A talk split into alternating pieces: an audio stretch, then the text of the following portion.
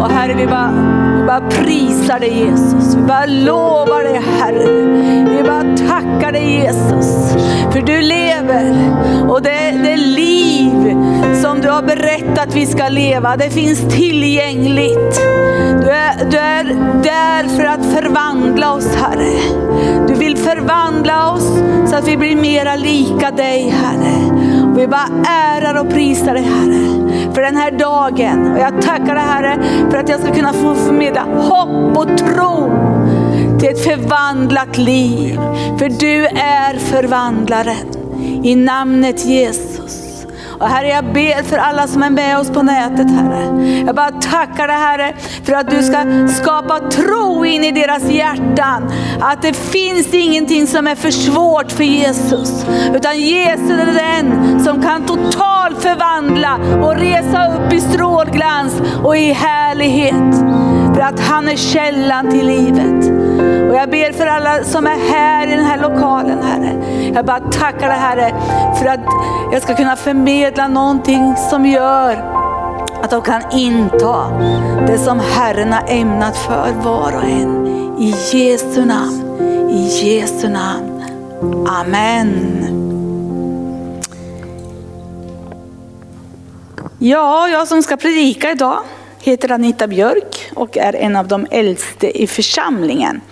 Och eh, den här veckan så har pastor Linda och jag haft ett, en fantastisk kurs. Som har varit befrielsekurs. Och du vet, eh, när man går in i den delen som har att göra med befrielse. Eh, då kan det upplivas, det som finns på insidan om man har eh, tidigare eh, använt sig av befrielse mycket. Och jag har liksom varit mycket inne i befrielsetjänst tidigare och så är det precis som ibland att vissa ämnen bara glider. Va? Och då blir det helande och det blir så, åh, det blir så härligt och sådär. Och det är ju också. Va? Men jag ser mer och mer att vi behöver befrielsetjänsten. För att eh, vi också sen ska kunna ta emot helande. Så idag så ska jag predika om befrielse. Så Herre, jag tackar Jesus att de ord som du har lagt på min insida Herre, att det ska vara ord som, som är levande Herre, som förvandlar människors liv. Och jag tackar dig Herre att det finns inget enda område i livet som inte du förmår att förvandla. I Jesu namn. Amen. Och eh, vi ska gå till Lukas 4. En liten strof där till att börja med.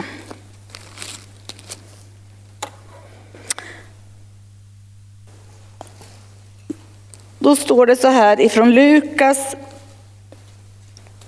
kapitel 4, vers 18 till och med vers 19.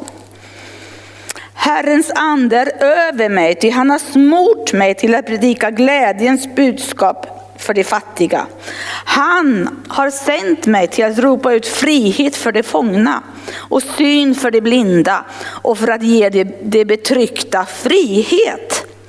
Och jag skulle vilja säga så här att eh, när jag läste det här ordet så kom Guds ande och belyste på den här delen av att eh, glädjens budskap, evangelium är ett glatt budskap för det innebär att, du, att varje individ har rätt att ta emot frihet och eh, låta betrycket få släppa sitt grepp. Så att det är liksom två punkter som jag kommer att tala om just den delen den här förmiddagen. Då. Och, eh, det här var ju det profetord som Jesus fick eh, innan han hade gått vägen för, för lidandets väg för varje individ. Det var ett profetord från Jesaja och det skrevs ju många, många år innan. Och tänk att han, att det liksom, han stod fast vid det ordet och han gjorde det för, det för dig och mig. Och jag skulle säga så här att när du och jag tänker på befrielse så börjar vi tänka så här, halleluja, vår befriare lever, han lever. Han lever, han är inte död. Han är uppstånden. Och nu sitter han på faderns högra sida. Och där vill han att det ska bli slagkraft i andevärlden. Så att det som liksom han har ämnat ska få komma ner och manifestera sig här på jorden. Det här liksom handlar om en frihet som varje individ har rätt att inta ifrån Herren. Och eh, det står ju också så här i, i Apostlagärningarna kapitel 10.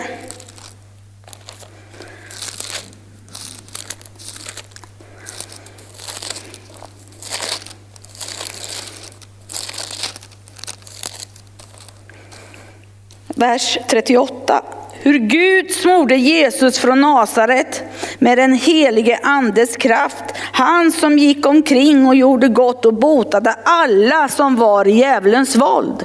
Ty Gud var med honom. Vet du, första gången jag läste det här ordet, det var i början på 80-talet. Och då var jag bunden. Jag var bunden, jag hade kedjor runt omkring mig. Så att jag liksom var bunden på insidan, själsligt och kroppsligt. Men när jag fick se det här så tänkte jag att det här måste jag rota i lite grann. Jag måste liksom gå djupare in i det här ordet. Och då förstod jag den här delen av att Jesus han hade vunnit en evig seger på Golgata kors över de makter och krafter som ville, ville hålla mig i fångenskap. Och det vill jag säga till dig som är där på nätet, att han har vunnit en evig seger för dig som sitter och tittar på det här och är bunden. Det finns en frihet och vi ska gå till Kolosserbrevet 2.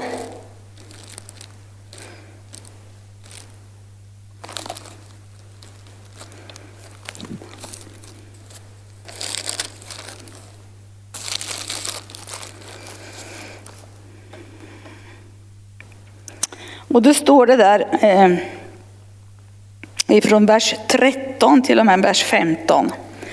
Ni som var döda på grund av era överträdelser och er oomskurna natur, också er har han gjort levande med Kristus. Han har förlåtit oss alla våra överträdelser och strukit ut skuldebrev som med sina krav vittnar emot oss. Det har han tagit bort genom att spika fast det på korset. Han har avklätt eh, välderna och makterna och förvisat dem offentligt och triumferat över dem. När han på korset triumferade över dem. Och du vet, det är så här att här kan man ju läsa att han har triumferat över varje makt och väldighet. Vad innebär det för dig och mig då? Det innebär frihet på alla livets områden. Och det innebär också att, att vi också kan förstå den här delen av att har jag syndat så kan jag bli försonad med Gud. Jag kan bli förlåten. Och jag kan bli renad genom Jesu blod. Och det här kanske man tänker, ja men det här gjorde jag en gång. Men det, liksom, det finns tillgängligt varje dag. För varje dag kan du och jag möta på omständigheter där vi liksom reagerar på ett sådant sätt så köttet tar över. Och då börjar vi förstå att vi behöver springa till han som är försonaren, som redan har försonat oss och triumferat över de makter och krafter som försöker förstöra in i våra liv.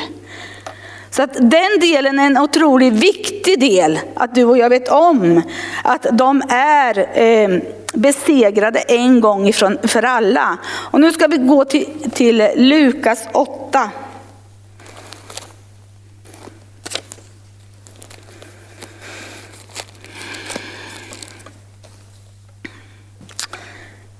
Och då ska vi läsa från vers 27 till och med vers 39. När Jesus steg i land kom en man från staden emot honom. Han var besatt av onda andar och hade inte, länge, hade inte på länge haft kläder på sig och hade, han bodde inte i något hus utan höll till bland gravarna. Då han fick se Jesus ropade han och föll ner inför honom och skrek, vad har jag med dig att göra, Jesus den högstes Guds son? Jag ber dig, plåga mig inte. Jesus hade just befallt den orena anden att fara ut ur mannen. Länge hade anden hållit honom i sitt grepp. Eh, man hade bundit honom med kedjor och fotbojor bevakat honom. Men han hade slitit sönder bojorna och drivit ut sig i ödemarken av den onda anden. Jesus frågade honom, vad är ditt namn? Han svarade legion eftersom många onda andar har farit in i, i, i honom. Och det bad Jesus att han skulle befalla den, den att fara ner i avgrunden. Nu, fick där, nu gick där en stor svinjord och betade på berg, berget. Och de onda andarna bad att han skulle låta den fara in i svinen och det tillät han. De onda andarna får ut ur mannen och in i svinen och jorden störtade ner i branten eh, nerför branten i sjön och drunknade. När herdarna såg, såg vad som hände flydde de och berättade om det inne i staden och ute på landet. Och man gick ut för att se vad som hade hänt. De kom till Jesus och fann mannen som de onda andarna hade farit ut ur, sitta vid Jesu fötter klädd och vid sina sinnen. Då greps de av fruktan. Men det, kom, det som var ögonvittnet berättade för dem hur den besatte hade blivit hjälpt. Därför, därför bad allt folket från Jerusalens område att Jesus skulle lämna dem efter stor fruktan hade kommit över dem och han steg, steg i en båt och vände tillbaka. Mannen som de onda andarna hade farit ut ur bad att få följa med honom, men Jesus skickade iväg honom med orden, vänd tillbaka hem och berätta allt vad Gud har gjort. Och han gick och ropade ut över hela staden allt vad Jesus hade gjort med honom. Det är så här att här läser vi om den här mannen som var besatt och jag vill säga till dig så här att du, om du har tagit emot Jesus i ditt hjärta så finns det ingen risk att du är besatt av onda andar. Du, du, man kan inte vara besatt därför att din ande är pånyttfödd. Din ande är pånyttfödd och Jesus har flyttat in där och Guds kärlek bor i ditt hjärta. Det står i Romarbrevet 5 och 5. Så det vet är den första delen av en frihetsprocess för en, för, en, för en människa. Och du som inte känner Jesus, säg Kom in i mitt hjärta, förlåt mig mina synder, så blir du frälst och då är din ande pånyttfödd. Sen handlar det om att du och jag kan vara plågade i våra själar och i våra kroppar av demoniska krafter. De kan bo i oss där, men de kan också komma utifrån och attackera oss. Och det vanligaste är att de kommer ut, kommer utifrån och plågar våra själar och våra kroppar. Men vi ska titta lite grann mer på den här delen också. Och eh, jag skulle vilja säga till så här att eh, här, när vi läser här i vers 28, där, där den, den här eh, demonerna eh, talar om att, eh, att vad ska du göra Jesus, den högste Guds son? Jag ber dig plåga mig inte. Du vet, här eh, så kände de demoniska krafterna igen Jesus. De visste vad Jesus hade fått för delegerad auktoritet. Och det är likadant med dig och mig. Att när vi har Jesus som Herre i våra liv, då känner de här demoniska krafterna av Jesus. Men de försöker att attackera oss. De försöker lura för oss. De försöker liksom komma med, med plågade tankar, plågade känslor. De, de, de vill gärna komma med, eh, med tungsinne och de vill komma med fruktan. Har du fått en diagnos Där man säger att den här diagnosen kommer inte att göra att du kan leva, utan du måste dö. Vad händer då? Fruktan är ju där direkt och sätter klorna i en och, och försöker försöka, försöka att vi inte kan se evangeliets strålglans. Men vet du, där ska du och jag veta om att det här är bara krafter och makter som försöker lura oss. De vill lura oss och stjäla det som vi har ämnat och det vi har fått som gåva av Herren, att tro evangelium. Det är vad Jesus har ämnat att vi ska, ska, ska få ta del av. Och, eh, jag tänker också utifrån den här delen av att liksom, när vi tänker på, på, på vad som kan plåga mycket mera, så är det så här att eh, förkastelse kan plåga. Det, det kanske funnits förkastelse i ditt liv sedan, du föddes. Det här är demoniska krafter som behöver liksom tas, tas och göra någonting åt. Vi behöver binda upp dem och bryta och befalla att de ska släppa sitt grepp. Och eh, ska säga så här, det kan vara alltså det här med fruktan. Fruktan är ju väldigt vanligt. Tyvärr, väldigt vanligt. Och vad, vad orsakar de här fruktansandarna för någonting? De orsakar att känslorna blir helt bundna och låsta. Att man liksom vågar inte någonting därför att tänk utifall att. Du kanske, om vi bara går till det här med, det här med corona exempelvis så, så kan man ju bara se hur de här makterna och krafterna försöker stjäla frimodigheten. Det, det liksom, nej, håll dig på din plats, håll dina avstånd, håll dig hemma, för tänk utifall att. Det här är ju lögner och fruktans ande som binder oss. Därför att du och jag behöver inte vara rädda när vi har Jesus i våra hjärtan.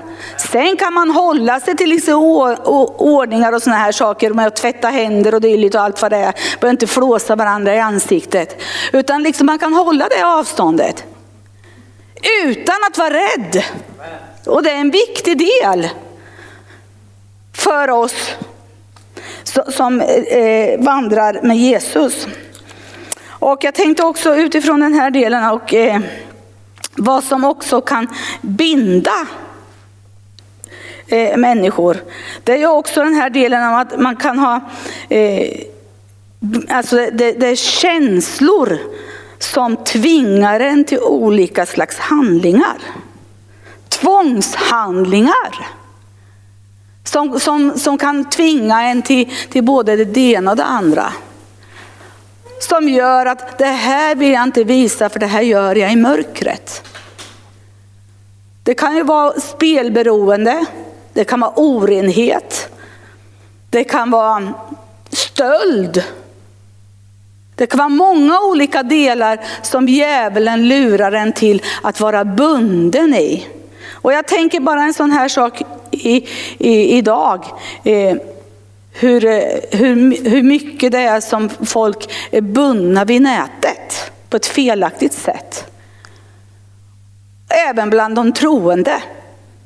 Och eh, liksom, den här delen är ju någonting som, som kommer ifrån djävulen. Som djävulen vill försöka stjäla din och min frihet. Så att vi inte kan leva ut det liv som, som Herren eh, har gett oss.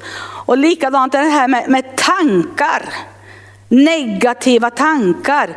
Eh, om vi tänker tankar som, som lögner, eh, plågotankar.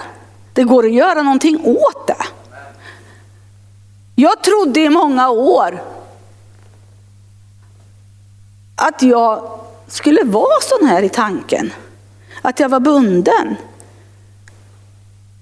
Jag gick i många år och levde och önskade mig själv död. Varför då? Därför det var ingen som hade talat om att du kan göra någonting åt det här. Det går att förändra den här delen. Och där kan du gå, vi kan gå till andra Korinthierbrevet kapitel 10.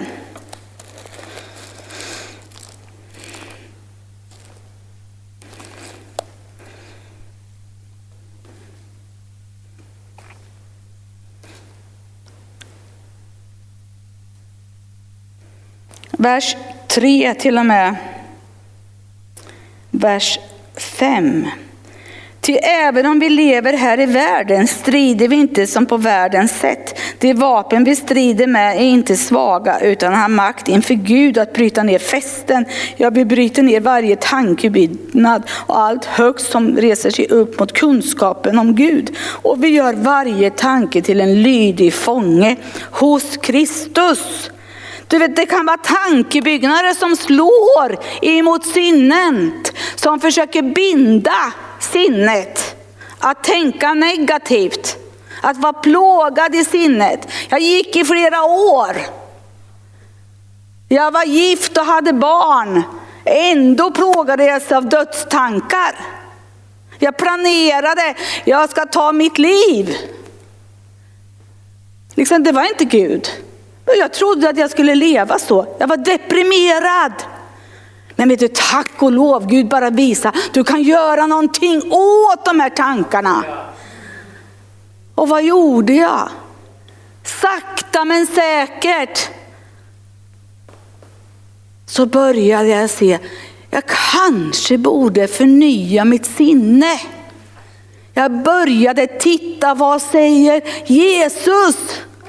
Vad säger han? Vad vill han? Vill han att jag ska få vara fri eller vill han att jag ska vara bunden? Och jag konstaterar när jag läser evangelierna att han befriade människor.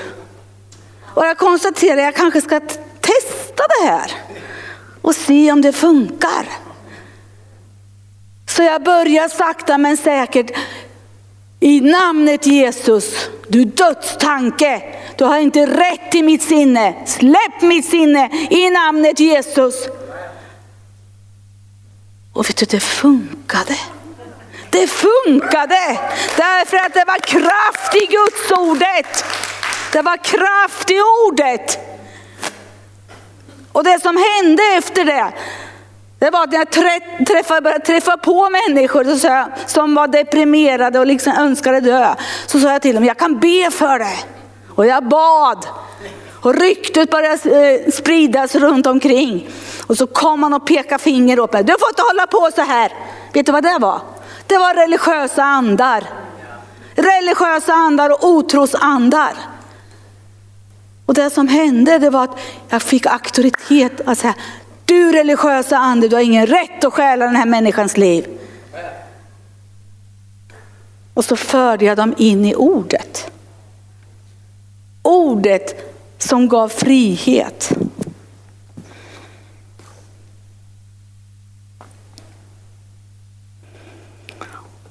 Och det är likadant som det står den här delen av att, att eh, det, det kan vara olika rötter som, som har tagit sin boning i våra själar. Eller i våra kroppar.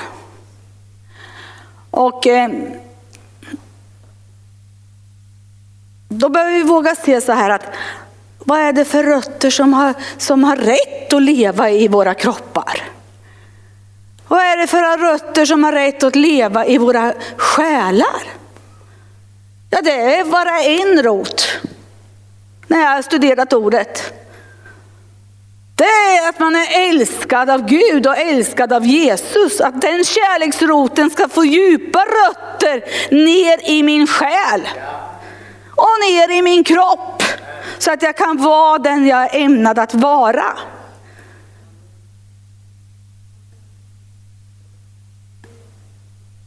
Men du vet, det, det här är ju sånt som, som eh, man inte alltid vill att man ska tala om.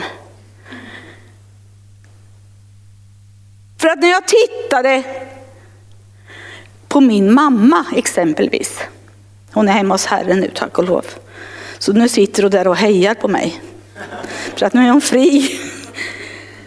Men vet du, hon, hon hade så otroligt mycket förkastelse i sitt liv.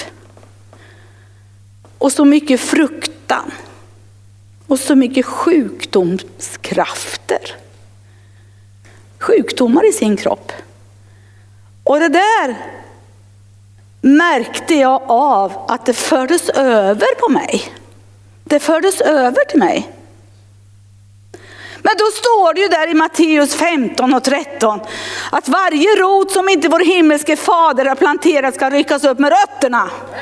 Så jag vet, jag tog det ordet och så jag tog och ryckte upp de här förkastelserötterna och jag tog de här sjukdomsrötterna som försökte lägga sig på mig. Ryckte upp dem med rötterna och bröt makten av dem i namnet Jesus. För det är en viktig del. För att du ska inte ha din mamma, pappas åkomma som de har haft. Du är fri, du är en ny skapelse i Jesus Kristus. Och då behöver man göra någonting åt det. Och vi har ju fått alla möjligheter av Herren att göra någonting åt det.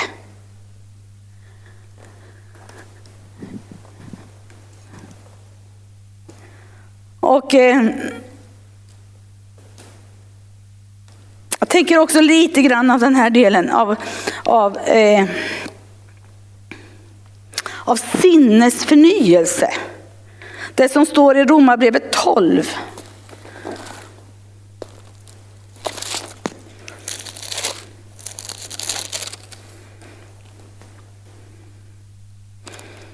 Vers 2. Eller vi kan läsa vers 1 också. Så förmanar jag nu er bröder vid Guds barmhärtighet att frambära era kroppar som ett levande och ett heligt offer som behagar Gud är er andliga gudstjänst. Och anpassa er inte efter den här världen utan låt er förvandlas genom sinnes förnyelse så att ni kan pröva vad som är Guds vilja, det som är gott och fullkomligt och det som behagar honom. Alltså du och jag som troende, du som sitter där och är bunden. Jag vill säga till dig att du ska frambära din kropp som ett levande och ett heligt offer som behagar Gud. Du är ett tempel åt den helige ande. Och det templet så finns det inga makter och krafter som har rätt till. Du ska leva ett långt liv och fullborda det som Gud har ämnat för dig.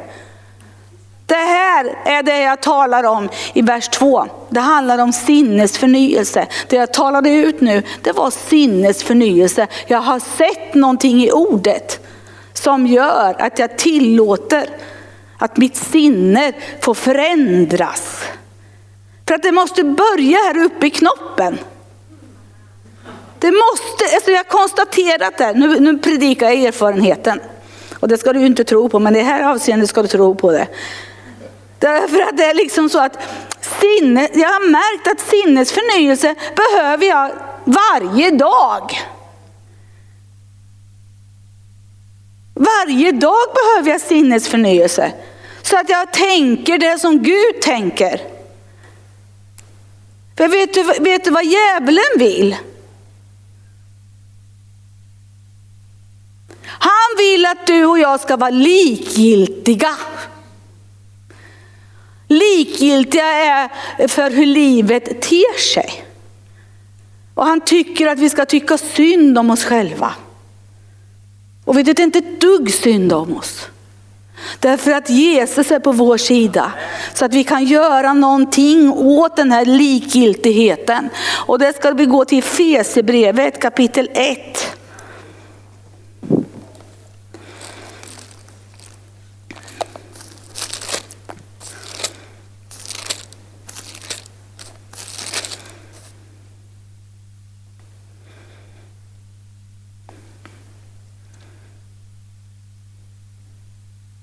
Då står det så här i vers 18 till och med vers 23.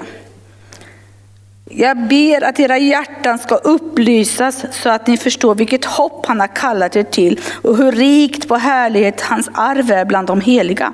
Och hur oerhört stor hans makt är i oss som tror, därför att hans väldiga kraft är verksam. Men denna kraft verkade han i Kristus när han uppväckte honom från de döda och satte honom på sin högra sida i himlen. Över alla furstar och väldigheter, makter och herradömen, ja över alla namn som kan nämnas finnas, inte bara i denna tidsåldern utan också i den kommande. Allt la han under hans fötter, honom som är huvudet över allting, gav han åt församlingen som är hans kropp, fullheten av honom som uppfyller allt i alla. Du vet, här står det ju klart och tydligt att hur oerhört stor hans makt är i oss som tror, därför att hans väldiga kraft är verksam. Va, va, vad gör vi med den här makten? Tittar vi på den och tittar så här, och vad fin den är. Eller gör vi något aktivt? Vårt reaktionsmönster borde vara, ingen anklagelse nu, men det borde vara den här delen av att nej, nu räcker det. Nu sätter jag stopp här, du har ingen rätt att komma och stjäla för mig längre. För jag har fått en makt. Makt att trampa på ormar och skorpioner och det här är en ful orm. Så kan jag använda makten i namnet Jesus. Och du vet när du använder namnet Jesus, vad händer då? Då flödar Guds kraft ut. Det blir en slagkraft i andevärlden och i det naturliga. Och vet jag tycker det är så häftigt. Jag tycker Gud är så häftig. För nu är det så här när det är coronatider, då ska man ju inte lägga händerna på varandra och sådana här saker och be för varandra. Och det, det, gör vi inte. Men däremot så kan vi, kan vi be och ha folk på avstånd. Och det har jag märkt att Gud befriar. Gud befriar, han löser. Genom att vi använder makten och kraften, talar ut det. Så att han får stadfästa sina under. Det är ju nåd. Tänk förstår du, du som är troende, vad du och jag har fått av Gud att förvalta. Och tänk inte så här att det är bara en del få som ska göra det. Utan där du går fram så har du, du fått en delegerad auktoritet att använda makten i namnet Jesus och få erfara Guds kraft verksam. Men framför allt här då,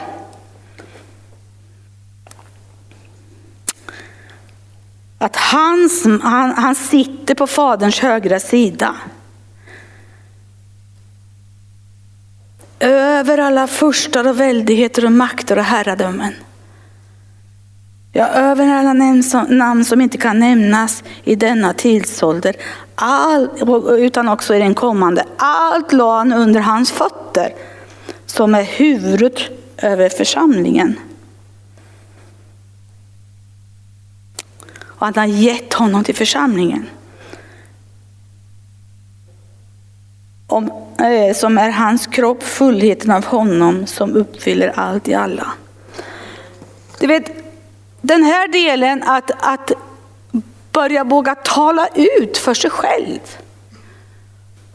För där han, nu, nu talar jag om att visst, vi kan lägga händerna på det, och, eller tala ut och binda upp och bryta och befalla och du kan inta din frihet. Men för att du och jag ska kunna behålla friheten så måste ju vi vara lite aktiva. Och då kan du och jag tala ut att de här makterna och krafterna har Jesus triumferat över på Golgata kors. Du vet, minst två gånger om dagen så går jag en bönevandring i skogen med min hund. Och du vet, jag går där och jag går inte bara och lyssnar på fåglarna. Det är ju mysigt.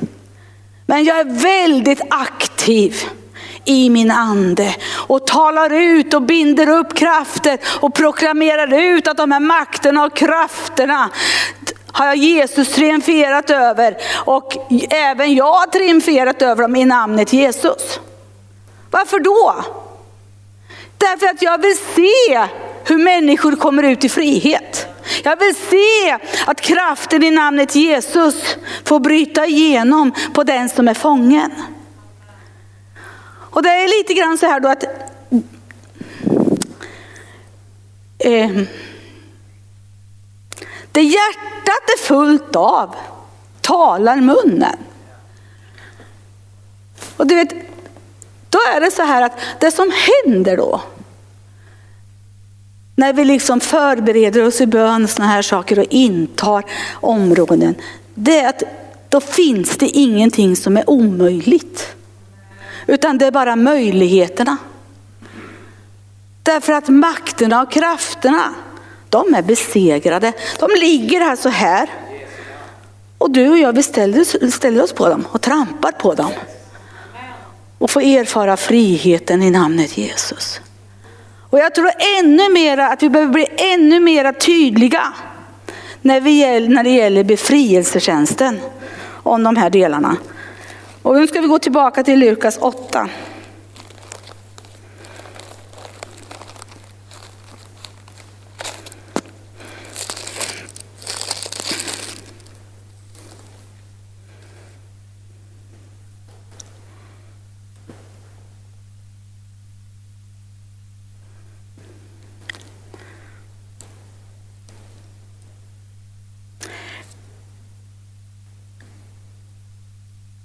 Vi kan bara läsa eh, vers 30. Jesus frågade, vad är ditt namn? Han svarade legion eftersom många onda andar hade farit in i honom. Och jag skulle vilja säga till dig så här att du och jag, vi behöver inte veta vad varenda demon heter. Det är, det är mindre intresse. Om vi tittar på hur det var i skriften så var det orena andar plågoandar. Det var dödsandar som var i rörelse. Det var sjukdomsandar, punkt. Det var inte mycket mer. Det är samma skrot och korn. Så det liksom är ju bara liksom att det, det, det räcker med det. Att vi vet om det och vet att de är besegrade en gång för alla. Och eh, när vi tittar lite längre ner i den här texten, nu följer jag inte mina anteckningar jättenoga, utan jag bara flödar ut. Eh. Så ser vi ju då hur Jesus, liksom, de här eh, andarna bad att de skulle få eh, att han inte skulle kasta ner dem i avgrunden. Utan de skulle in i svinjorden. Men de, målet var ju ändå att de fick dö. Och det är likadant med dig och mig. Det är ingen som har rätt att hålla på och plåga. Och eh, sen i vers 35. Och man gick ut för att se vad som hade hänt. De kom till Jesus och fann mannen som de onda andarna hade farit ut ur sitta vid Jesu fötter klädd vid sina sinnen. Du vet, det är det som händer när du och jag börjar inta området att låta sinnesförnyelse, låta känslorna bli förvandlade av Guds kraft, låta kärleken bada in i känslolivet. Det är där vi blir vid våra sinnens fulla bruk. Det är då vi blir de som Herren har ämnat att vi ska vara. Och till råga på alltihopa så påverkar det viljan. Viljan gör ju att det blir en ryggrad i vår kropp så att vi liksom kan gå framåt eh, och liksom göra det som Gud vill. Och jag ska säga det så här, det finns gånger, nu är jag ärlig, här under våren, där likgiltighetens ande har kommit krypande när jag vaknat på morgonen och sagt så här.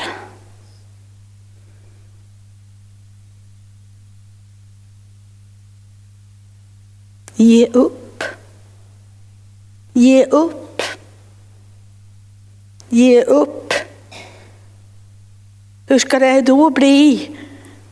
Liksom, vad ska du kunna utföra när fruktan försöker slå dig om det här med corona.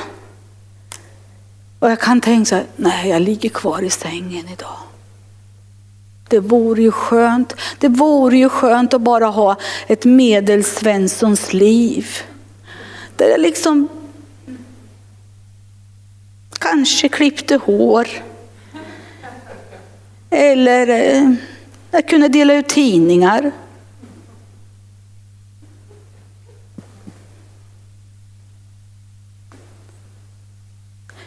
Vet du vad det här är? Det är demoniska krafter som försöker påverka viljan. Och vet du, vad, vet du vad jag fick göra? Jag fick binda upp de här krafterna och säga, tyg, kom inte vid mig. Jag ska fullfölja loppet som Gud har ämnat. Och jag vill säga till dig så här, har du fått negativa eh, eh känslor som vill påverka din vilja att inte fullborda det som Gud har ämnat för dig. Bli vaken och ta tag i det. Och så har han också viskat i örat, ja du kan ju snart bli en glad pensionär.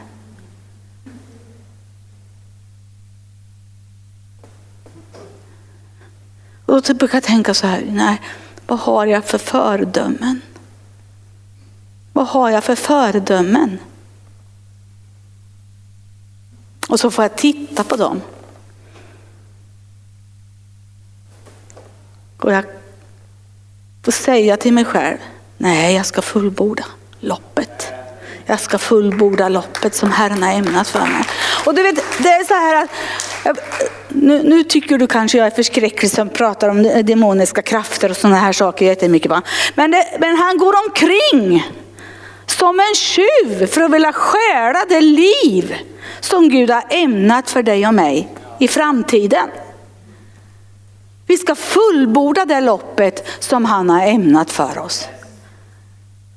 Och du vet, är du sjuk i din kropp, har sjukdomssymptom i din kropp. Vet du, det vi kan göra det är att vi binder upp kraften och makten i de sjukdomskrafterna eh, som är i rörelse i sjukdomen. Och bryter makten av dem och bara befaller, släpp! Och du ska kunna göra det som Gud vill att du ska göra även om du har symptomen kvar i din kropp. Det är Guds hjärta.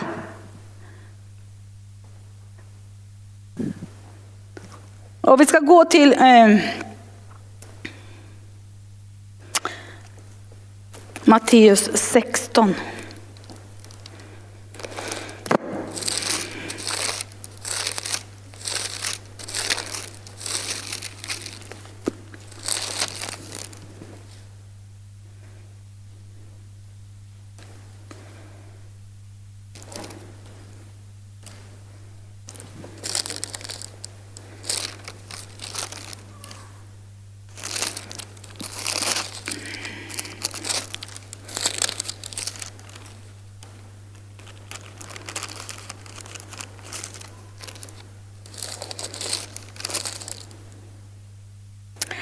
Ska vi läsa Matteus 16? Det här tycker jag är så fantastiskt. Vet du.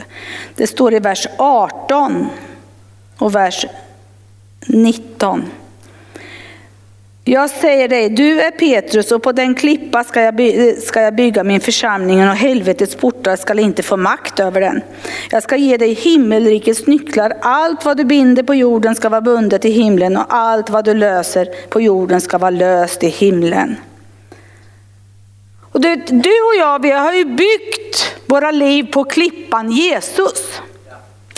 Och det innebär ju då att han som är klippan Jesus, det är ju han som bygger församlingen. Och du och jag är ju församlingen. Du som ser mig på nätet, du är församlingen om du har Jesus i ditt hjärta. Och då står det ju där att helvetets portar ska inte bli dig övermäktig.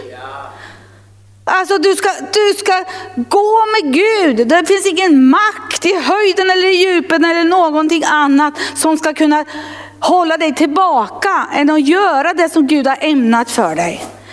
Och så stod du ju här nästa vers.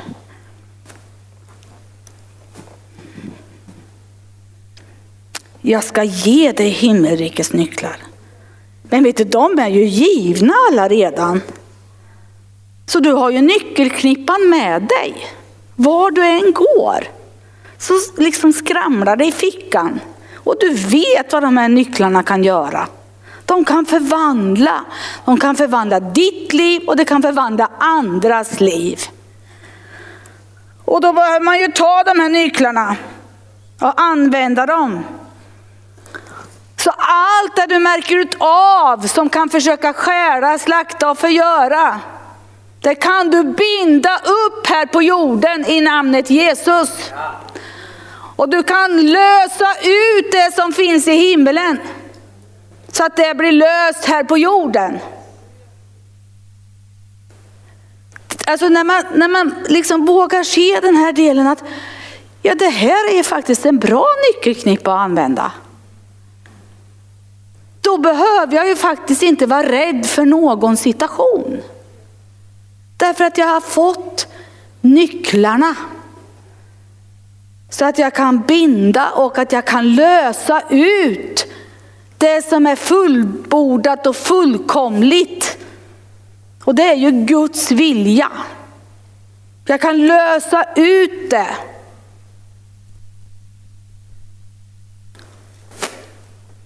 Och sen har vi fått någonting annat också. Vi kan tala. Vi kan tala. Vi kan tala Guds ord. Det är kraft i Guds ord. Jag ska säga dig så här att när jag var väldigt bunden där på 80-talet. Eh, det fanns en, två befrielsetjänster som jag visste om. Och jag, jag, jag var på något möte där jag verkligen blev befriad. Men all annan befrielse har jag fått erfara genom att jag har talat. Talat det rätta gudsordet. Talat till mig själv. Talat ut i andevärlden. Och proklamerat.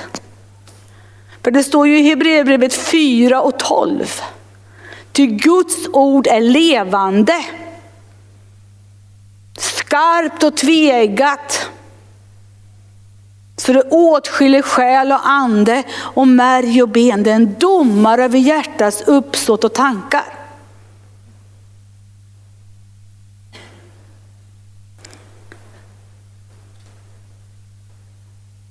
Och du vet, det här med att tala ut Guds ord.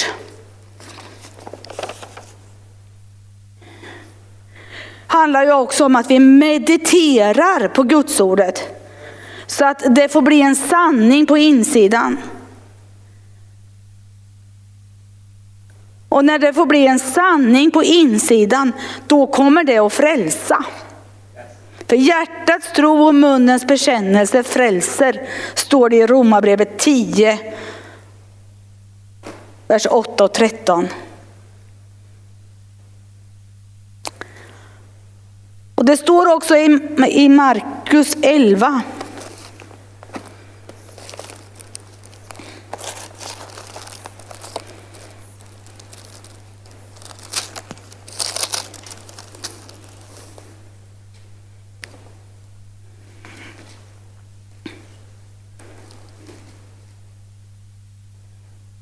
Här, här, här handlar det om att Jesus har förbannat fikonträdet. Då. Och då står det så här eh, ifrån vers 21. Petrus kom ihåg vad som hade hänt och sa till Jesus, Rabbi, se fikonträdet som du förbannade har torkat. Jesus svarade dem, tro på Gud. Amen säger om någon säger till detta berg, lyft dig och kasta dig i havet och inte tvivlar i sitt hjärta utan tror det, det han säger ska, ska ske, då skall det ske. Därför säger jag er, allt vad ni ber och begär och tror det, att ni har fått det, så skall det, så skall det vara ert. Här så ska vi ha tro på vad Guds ordet säger. Vad Guds sanningar säger och börja tala ut det. Och likadant är det så här att i den situationen man står i så behöver liksom Guds ordet som finns här vara laddat med dynamit. Vet du vad jag menar när jag laddat med dynamit? Du och jag är medvetna om att det inte är vilket ord som helst utan det är ett gudskraftsord. Och när vi börjar liksom tala ut ordet och vi börjar tala vid det här, tala till det här berget som kanske reser sig upp framför näsan på det och säger någonting helt annat. Kanske talar om en svår omständighet.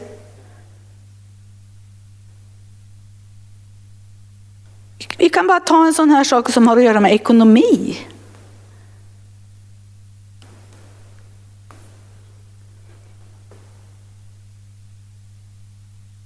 Din ekonomi kanske har blivit dålig i samband med det här med corona eller du har blivit arbetslös och sådana här saker. Då kan vi göra någonting åt det berget. Genom att vi börjar tala Guds ord. Börja och testa så får du se om berget flyttar sig.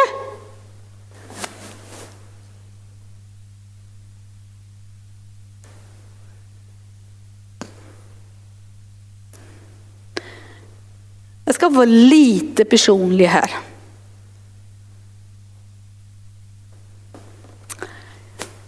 Lite personlig. Här, här i början av året så fick vi klart för oss att eh, vi skulle få en ganska hög restskatt. Det var alltså flera, flera siffror, flera nollor i slutändan. Och jag, jag, jag, jag tänkte så här, ja, det bara är ju som det är. Tänkte jag först. Likgiltigheten. Började liksom säga det. det vi får bara skylla, liksom se. Bara se hur det blir. Så får vi försöka reda ut det på något vis. Men i det, den situationen så gjorde jag ett aktivt beslut. Jag började tala till det här berget. Du restskatt! Häv dig upp och kasta dig i havet i namnet Jesus. Gud bereder en utväg.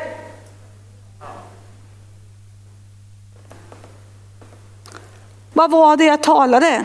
Jag talade de sädesord som var planterade på insidan. Att Gud kommer aldrig att lämna oss och överge oss. Herren är min herde, mig skall ingenting fattas.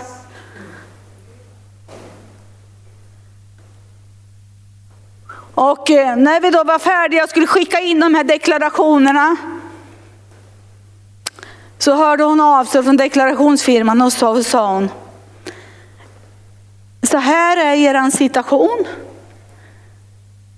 Och jag tänkte, ja men människan måste ju räkna fel tänkte jag. För det var alltså, den var halverad. Halverad. Så det var inte riktigt lika många nollor som hade kraft i sig. Utan det var något mindre. Och du vet, jag tror i det här avseendet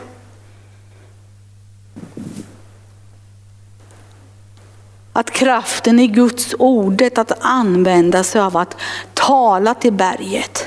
För berget hade ju kunnat försöka hålla mig i fångenskap så jag la mig ner och tänkte Gud, vi kan ju inte springa till, till, till banken och låna pengar för att betala en restskatt. Men jag hängde på korset. Jag hängde på Jesu fullbordade verk på Golgata kors.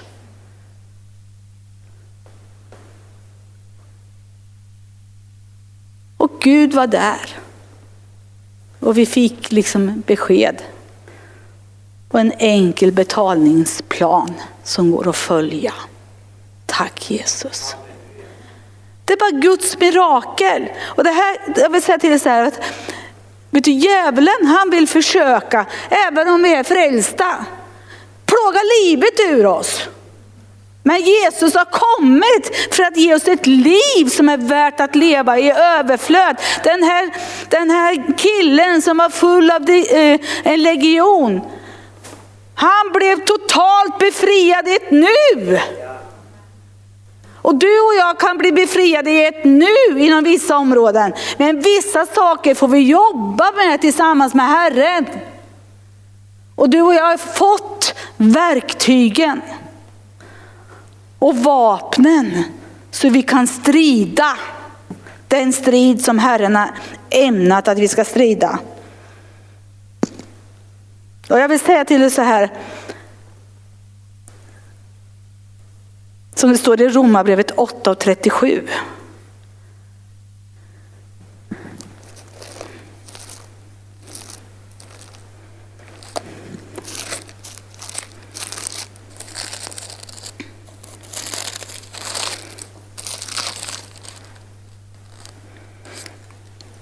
Ty jag är viss om att varken död eller liv, varken änglar eller furstar, varken någon som nu är eller något som ska komma, varken makter i höjd eller djupet eller något skapat ska kunna skilja oss från Guds kärlek i Kristus Jesus vår Herre. Vad innebär det här? Det innebär att du och jag är en övervinnare. Vi är en övervinnare i varje omständighet därför att vi har krokat arm med Jesus. Han har tagit sin boning här inne och han har satt en signetring på våran vänstra arm och i den står det Jesus. Jesus lever.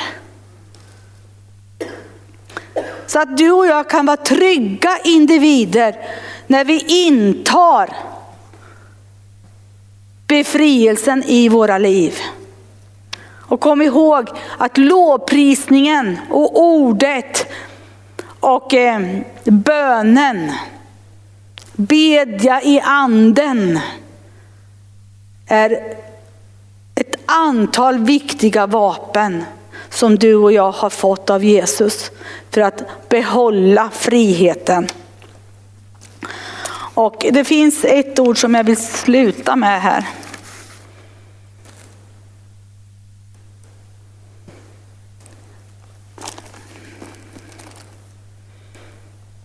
Och det är Lukas 12.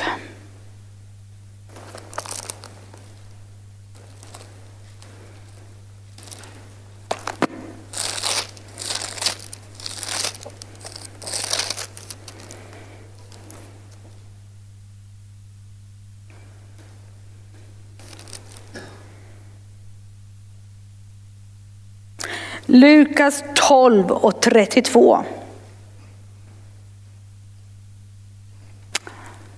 Var inte rädd du lilla jord, ty er fader har beslutat att ge er riket. Riket är givet till dig och mig och vi kan använda oss av rikets underbara nycklar. Och vi kan leva ut det liv som Herren har ämnat att vi ska leva ut. Och jag tänker på den här delen som står i Lukas 8, vers 39. Eh, Vänd tillbaka hem och berätta allt vad Gud har gjort med dig. Och han gick och ropade ut över hela staden allt vad Jesus hade gjort med honom. Du vet, han fick en kallelse av Herren att gå tillbaka därifrån han kom och dela om att Jesus hade befriat honom. Han hade löst honom och han satte spår i sitt liv där han gick fram. Och du och jag är kallade att sätta spår om att Jesus är befriaren. Han har befriat dig redan, du som sitter där och tittar och känner att du är bunden. Han har löst dig. Använd ordet och andens liv och de vapen du har fått av Gud, för han är med dig. Och han vill inget hellre än att du ska få erfarenheten av Herren. Och när du verkligen börjar använda dina vapen så kommer det också dina känslor att få en förvandlat kraft. Att du får erfara känslomässigt att han lever, han lever för att du ska få leva i gemenskapen med honom. Amen. Nu ska vi ha lovsång.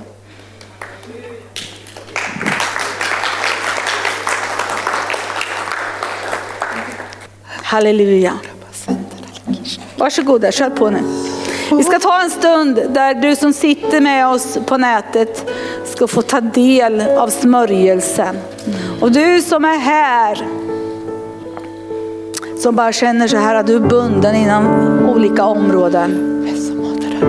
Vi ska be för dig och du får gärna resa på det.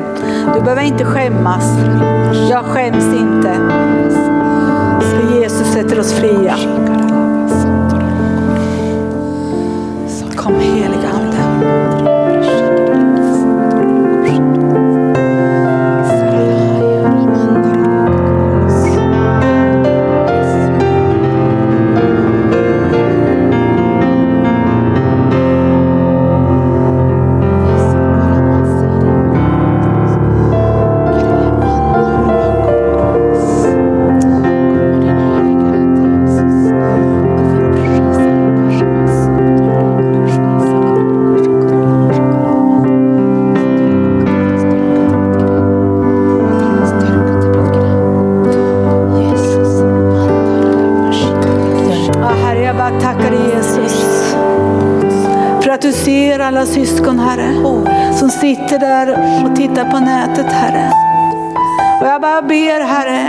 så verklig för var och en.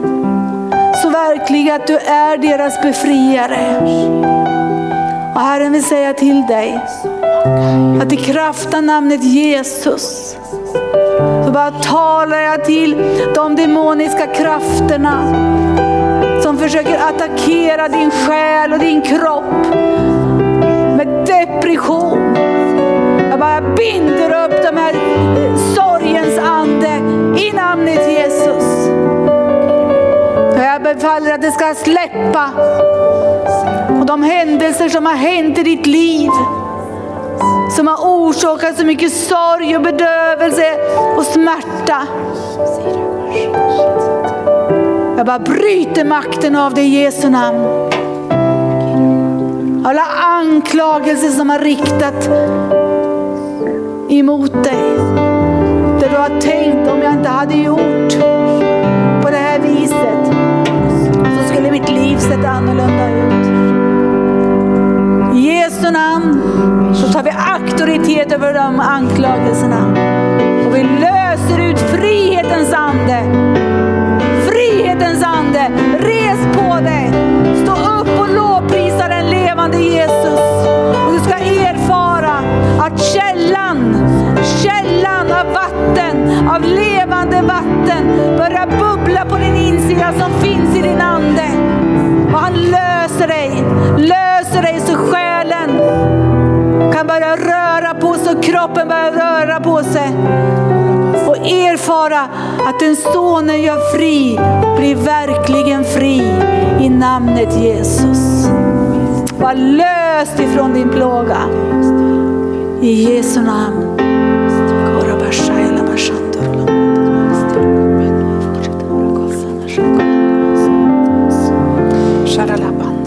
Och vet du, jag skulle faktiskt vilja uppmana dig att du ska utrusta dig med Guds ord. Till och med Jesus blev frestad av djävulen. Och när djävulen säger åt honom när han blir hungrig, du, eh, du kan befalla de här stenarna bli bröd. Så säger Jesus nej. Han säger så här, människan ska inte Människan lever inte bara av bröd utan av varje ord som utgår från Guds mun. Och eh, jag vill verkligen, alltså, nu får du faktiskt resa på dig och ta tag i det här problemområdet. Utrusta dig med det som är svaret och det är Guds ord. För 30 år sedan så fick jag någon sån här, äh, vad heter det, bältros. Jag hade haft 13 halsflussar och så började min kropp korsreagera och så fick jag bältros. Och på franska så heter det djävulseld. Och när jag fick den diagnosen så tänkte jag, nej någon djävulseld tänker inte jag ta emot. Och det var första gången som jag fick tag på hur viktigt det är med Guds ord. För det fanns ingen bot på den tiden. Det fanns inte något antivirusprogram, eh, varken i datorn eller, eller på apoteket. Då skrev jag ner sju stycken bibelställen. Jag läste dem morgon och kväll och på några dagar så var jag fullkomligt helad och återställd. Både ifrån det som var problem i halsen och det som var utav utslag på min kropp. Så jag vill uppmana dig, ta tag i Guds ord. Det är levande, det är skarpt, det är tveeggat. Och eh, ibland så är det så här att i Ordspråksboken så säger han så här. Fånga rävarna åt oss, de små rävarna som fördärvar vingården, våra vingårdar som står i blom. Och har du sådana här små rävar som alltid nafsar i hälarna och precis när det håller på att bryta igenom så händer någonting. Vet du vad? Då är det dags att ta itu med de där små rävarna. Sätt inte ut mat åt dem. Svält räv. Och hur gör man det? Jo, man gör det med Guds ord. Herre, jag bara tackar dig Jesus. Jag bara prisar dig Herre. För du är befriaren Herre. Och Herre, jag bara tackar dig Jesus. För att vi också får tala till de syskon som ser oss på nätet och som också är i lokalen Herre. Som har svagheter i sin själ och i sina kroppar Herre. Jag bara tackar dig Herre för att det står i Matteus 8 och 17 att du bar våra svagheter på Golgata kors och våra sjukdomar för att vi skulle få, ta, få, få bli helade Herre. Och i namnet Jesus så bara binder jag upp de här svaghetsandarna som kommer och går hela tiden. Som vill försöka lamslå dig och skapa orkeslöshet. Jag bara binder upp de här krafterna. Släpp i namnet Jesus. Frihet i namnet Jesus. Och jag bara löser ut Guds kraft i din själ och i din kropp. Jag bara talar till din hjärn, dina hjärnhalvor. Åh, Herrens kraft bara får strömma in i dina, hjärn, i dina hjärnor. Och det bara ska förlösas, förlösar vederkvickelsen, kraften i namnet Jesus. Så du får återhämta eh, hjärnan som har varit blockerad och, och plågad av svagheter och utmattning. Jag bara talar till, det, till den lilla och stora hjärnan att det bara ska pulsera av Guds kraft. Och det ska komma nya strömmar av Guds kraft som skapar kraftkällan i ditt huvud i namnet Jesus. Och jag bara talar också till de här utmattade kropparna. Och jag bara talar Guds ande får bara blåsa liv i varenda kroppsdel. Muskler, leder. Jag bara tackar dig för livsanden som är Guds ande, bara får blåsa liv. Och jag bara proklamerar ut att samma kraft som uppväckte Jesus från de döda ska göra din levande kropp, din, din dödliga kropp levande genom sin ande. Så jag bara talar liv i din kropp.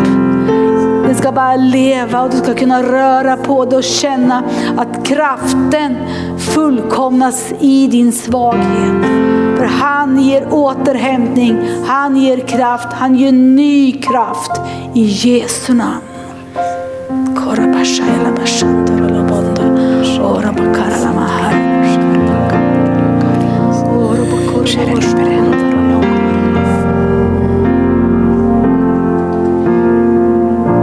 Herre, jag bara tackar dig Jesus.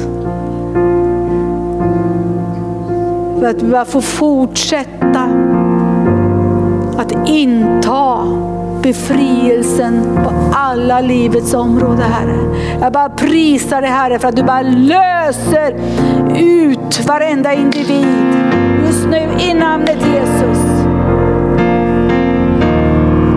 Det står skrivet i Guds ord att han ska lösa bojan runt, runt din hals så att du ska vara löst. Och jag bara talar ut, bli löst i namnet Jesus. Släpp ni krafter och makter. Frihet i Jesu namn. Du ska kunna andas fritt. Du ska erfara att smörjelsen är där och bryter oket.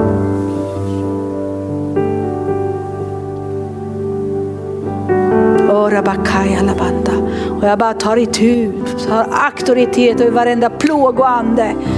Plågarens stavar bryter jag sönder i namnet Jesus och befaller släpp mina syskon. För de har rätt till friheten.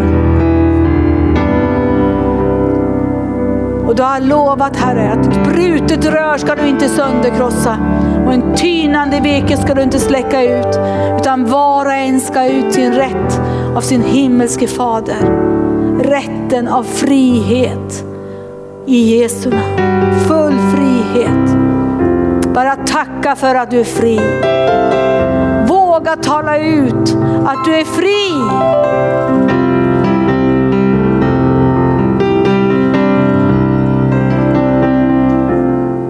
Och jag kan bara höra Herrens ande säga också, du finns också som har levt i synd. Du vet att det är saker och ting som plågar dig som handlar om att du syndar. Vill jag bara säga till dig så här, bekänn din synd och avsäg dig synden. Bara tala ut att jag bekänner den här synden och tala ut att jag avsäger mig den i namnet Jesus. Och se hur den här synden läggs framför dig. Framför dina fötter och du ställer dig på syndens makt. Och i kraft av namnet Jesus så bara tillsäger jag dig att du är förlåten av Jesus. När vi har bekänt våra synder så förlåter han oss i sitt egna namn Jesus. Och Jesu blod rann på Golgata kors för våra överträdelser. Och du är förlåten.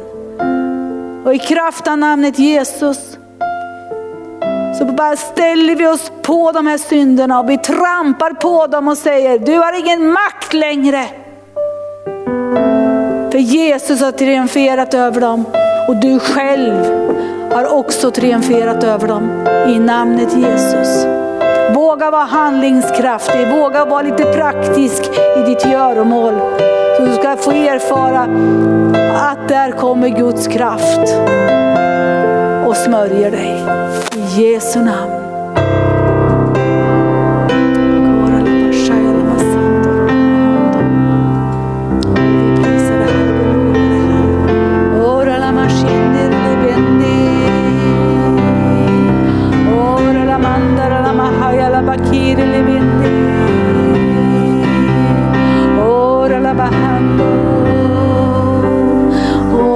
Ora la bashela.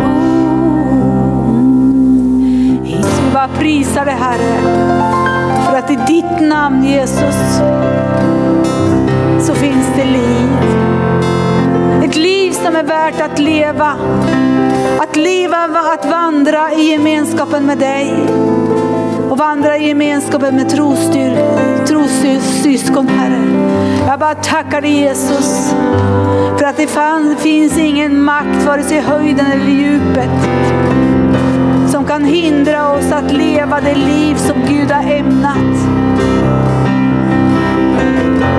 Och Herre, precis som det står i evangelierna med Maria från Magdala som hade blivit befriade från sju olika andar plus en andra, en flera andra kvinnor Herre som blivit befriade Herre. De hade mött dig och du hade befriat dem. Och jag tackar dig Herre för att befrielsen ska genljuda ännu mera. Så att människor kan inta sin frihet. För det som hände med de här kvinnorna efter att du hade befriat dem Herre så var det att de följde dig. De följde dig och de tjänade dig i det som du behövde hjälp med. Och de tjänade dig med allt vad de ägde. Både andligt, själsligt och kroppsligt och med ägodelar Herre. Så att du Herre skulle bli mättad. Och jag tackar dig Jesus att vi får göra detsamma. Vi får vandra med dig och göra din fullkomliga vilja synlig från den här platsen. Tack för friheten. I namnet Jesus. Amen. Tack Jesus.